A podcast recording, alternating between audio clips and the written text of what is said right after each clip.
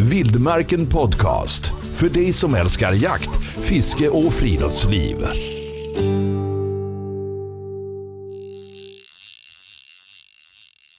Triggerfish på flatsen utanför Tobacco Key.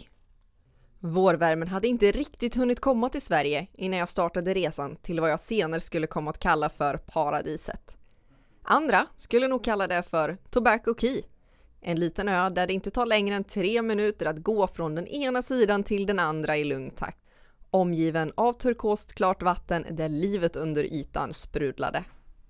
Barriärrevet som sträcker sig längs med Belize är världens näst längsta med markanta kanter och fina flats. Korallerna bildar hem och struktur åt otaligt många fiskarter och jag var så himla lycklig att få spendera en månad på just detta stället och på Reefs and Lodge tillsammans med Hannes Ribner som bjudit in mig att få uppleva den magi som befann sig runt ön. I väskan hade jag med mig tre Merisolaspön med tillhörande exorullar. En klass 7 som jag planerade att använda till Bonefish och en klass 9 som hängde med utifall att jag skulle lyckas se en permit och kanske få möjligheten att kasta på den. Lägg märke till att jag skriver att jag kanske skulle få möjligheten att kasta på den, inte med den för att jag kanske skulle fånga en permit.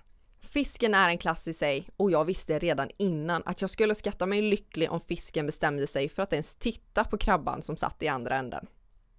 Sist, men absolut tyngst, var min klass 12 som jag hade spolat på cirka 300 meter backing på rullen innan linan åkte på för att vara redo för de monsterfiskar som kommer upp mot ytan i solnedgången. Som en förvuxen sill som fått sin kraft från en V16-motor. Jag pratar självklart om tarpen. Jag har aldrig tidigare gjort en resa som denna där jag endast fokuserar på att fånga fisken på just flugspö. Tack vare Niklas Bauer och gänget på Vision har jag under flera år haft möjligheten att lära mig mycket då jag stått bakom kameran och filmat när de bedrivit sitt fiske. Dock hade jag aldrig tidigare varit på något varmt ställe och filmat just de fiskar som vi skulle fiska efter nu. Helt plötsligt kändes det som därför att jag var tillbaka på ruta ett igen. Jag hade verkligen ingen aning om vad som väntade mig eller vad som skulle kunna nappa när jag kastade ut i de små så kallade kanalerna längs med revet. Jag fick helt enkelt förlita mig på Hannes och hans kunskaper redan när jag satt hemma i kylan och försökte förstå mig på hur man band en Crazy Charlie, hur man använde sig av Easy Shrimp Ice, hur mycket dubbing man skulle använda eller hur lång Sonken skulle vara. Ja, ni som är lite inne i flugfiske förstår nog vid detta laget att jag även band mina egna flugor inför resan. Det är så jag gillar det. Att göra allting från grunden så att det verkligen är jag som har fångat fisken.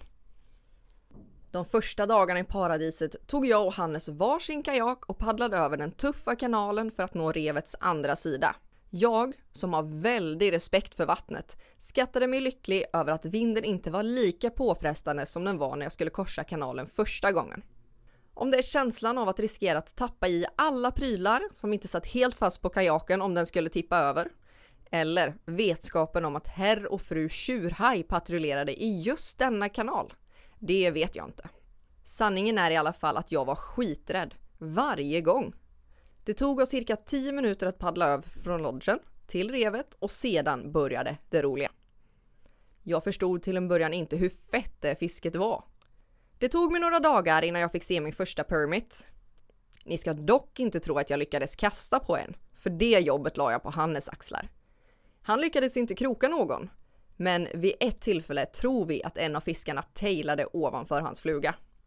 Det tog mig inte lång tid innan jag hade fått en ny art. Sedan två och tre.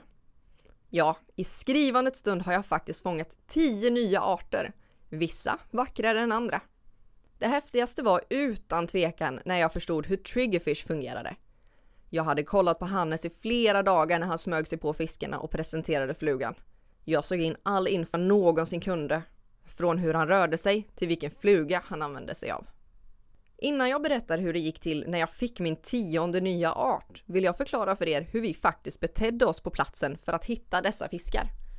Som ni har förstått hade vi med oss varsin kajak av den enkla anledningen att då kunde vi transportera oss ljudlöst och ha med oss packning. En annan viktig anledning till kajaken var att vi inte vill gå på korallen som finns kvar. Jag hoppas att du som läser detta förstår vad jag menar när jag säger att korallen är i fara. Om inte så ber jag dig att googla det. Hur som helst, vi satt i kajaken och paddlade i sidvind längs med revet. Vi använde oss av polariserade glasögon och letade efter indikationer på fisk. Det kan vara allt ifrån en fena som bryter vattenytan till en skugga som gömmer sig bakom en sten. Det krävs en del träning för att förstå vad det är man letar efter.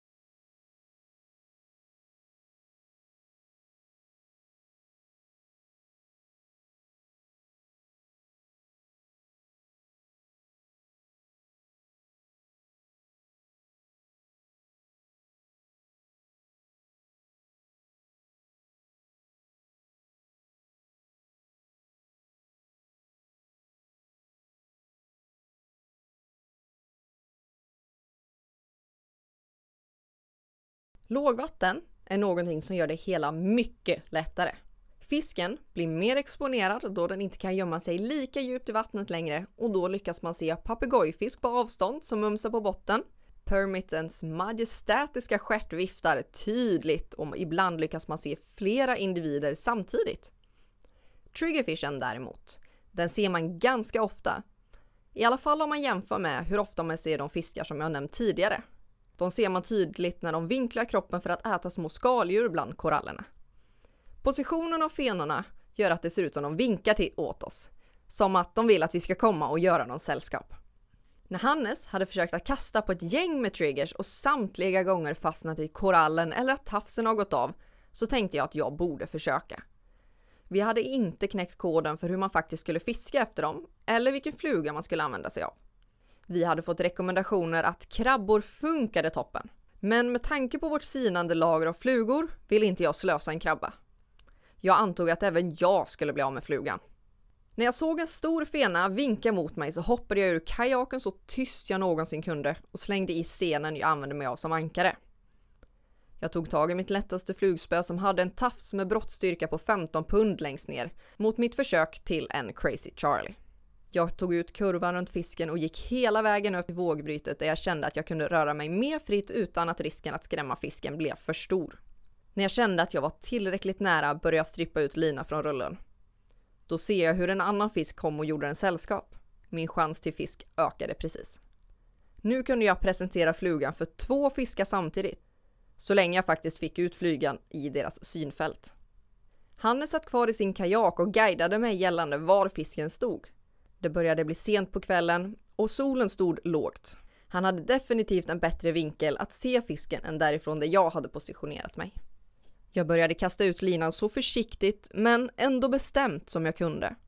Jag ville inte misslyckas med ett kast och splasha ner flugan i ytan så att jag skrämde fisken. När jag la ut flugan hamnade den enligt mitt tycke alldeles för långt till vänster om där fiskarna stod och avnjöt allt som rörde sig under korallen. Jag började strippa hem linan snabbt innan jag plockade upp den när jag fick en möjlighet. Ena fisken satte ordentlig fart och jag var helt säker på att jag hade skrämt bort den. Dock så visade det sig att fisken hade sett flugan och var ute just efter min lilla räka. Jag kände hur jag rynkade ögonbrynen och laddade för ett nytt kast. Denna gången skulle jag inte plocka hem flugan så snabbt. Det var dags att presentera flugan så hamnade den perfekt. Cirka 70 cm från den ena fisken den betydligt mindre av dem. Det dröjde inte länge innan jag fick en reaktion från den mindre fisken. Området exploderade och den större fisken som befann sig strax bakom la i en växel och gjorde en omkörning på insidan och slukade min fluga. Jag hade löslinan i vänsterhanden och stramade åt. Jag kände hur stramt det blev och för en sekund trodde jag helt säkert att jag satt i en korall. Snabbt blev jag överbevisad att jag hade fel. Jag hade krokat den större av individerna och vände mig mot Hannes och frågade Hur fan gör jag nu? Han delade inte med sig mer än ett skratt när han istället vände sig om för att hämta kameran. Fisken som jag hade krokat simmade runt korallerna och hjärtat stelnade varje gång den kom lite väl nära. Med ett klass 7-spö var fighten spännande. Jag hade inte supermycket att ge och jag blev förvånad över hur stark denna relativt lilla fisk var. I ärlighetens namn tror jag inte fisken ens märkt att den blivit krokad. Det var först när jag bestämde mig för att försöka landa fisken som jag för övrigt inte hade en aning om hur man gjorde på bästa sätt som den satte fart. Jag hade endast på mig flugfiskehandskarna och tvekade aningen innan jag tog tag i fisken runt tailen. Jag hade ingen aning om ifall det fanns något att sticka sig på eller om jag skulle skada fisken. Jag gav det ett försök och misslyckades. Det var som när man jagar en hund och kittlar strax ovanför svansen så hunden i fråga nästan kryper ihop till en boll.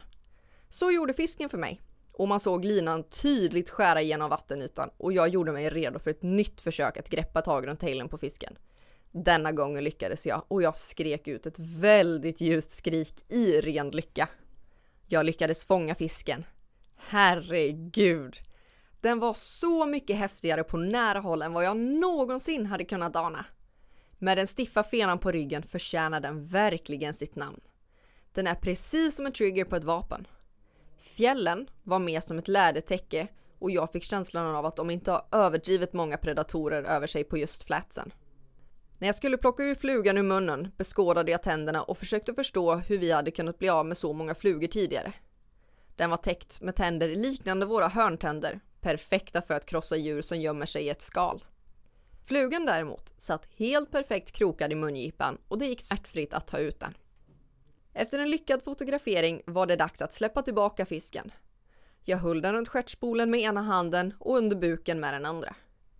Det räckte att lätta på greppet under stjärten för att den skulle förstå att den var fri och kunde simma tillbaka till sitt rätta element. Nu förstod vi mer hur fisken fungerade och det var något som släppte vid det tillfället. Jag valde att börja köra tjockare tafs och vi båda har nu landat ett gäng fina fiskar var. Om ni inte redan har förstått att detta verkligen är paradiset på jorden vid denna tidpunkt, då borde ni tänka en gång till. Tobacco Key, tack för allt. Vildmarken Podcast. Hitta fler avsnitt och ta del av vårt digitala magasin på vildmarken.se.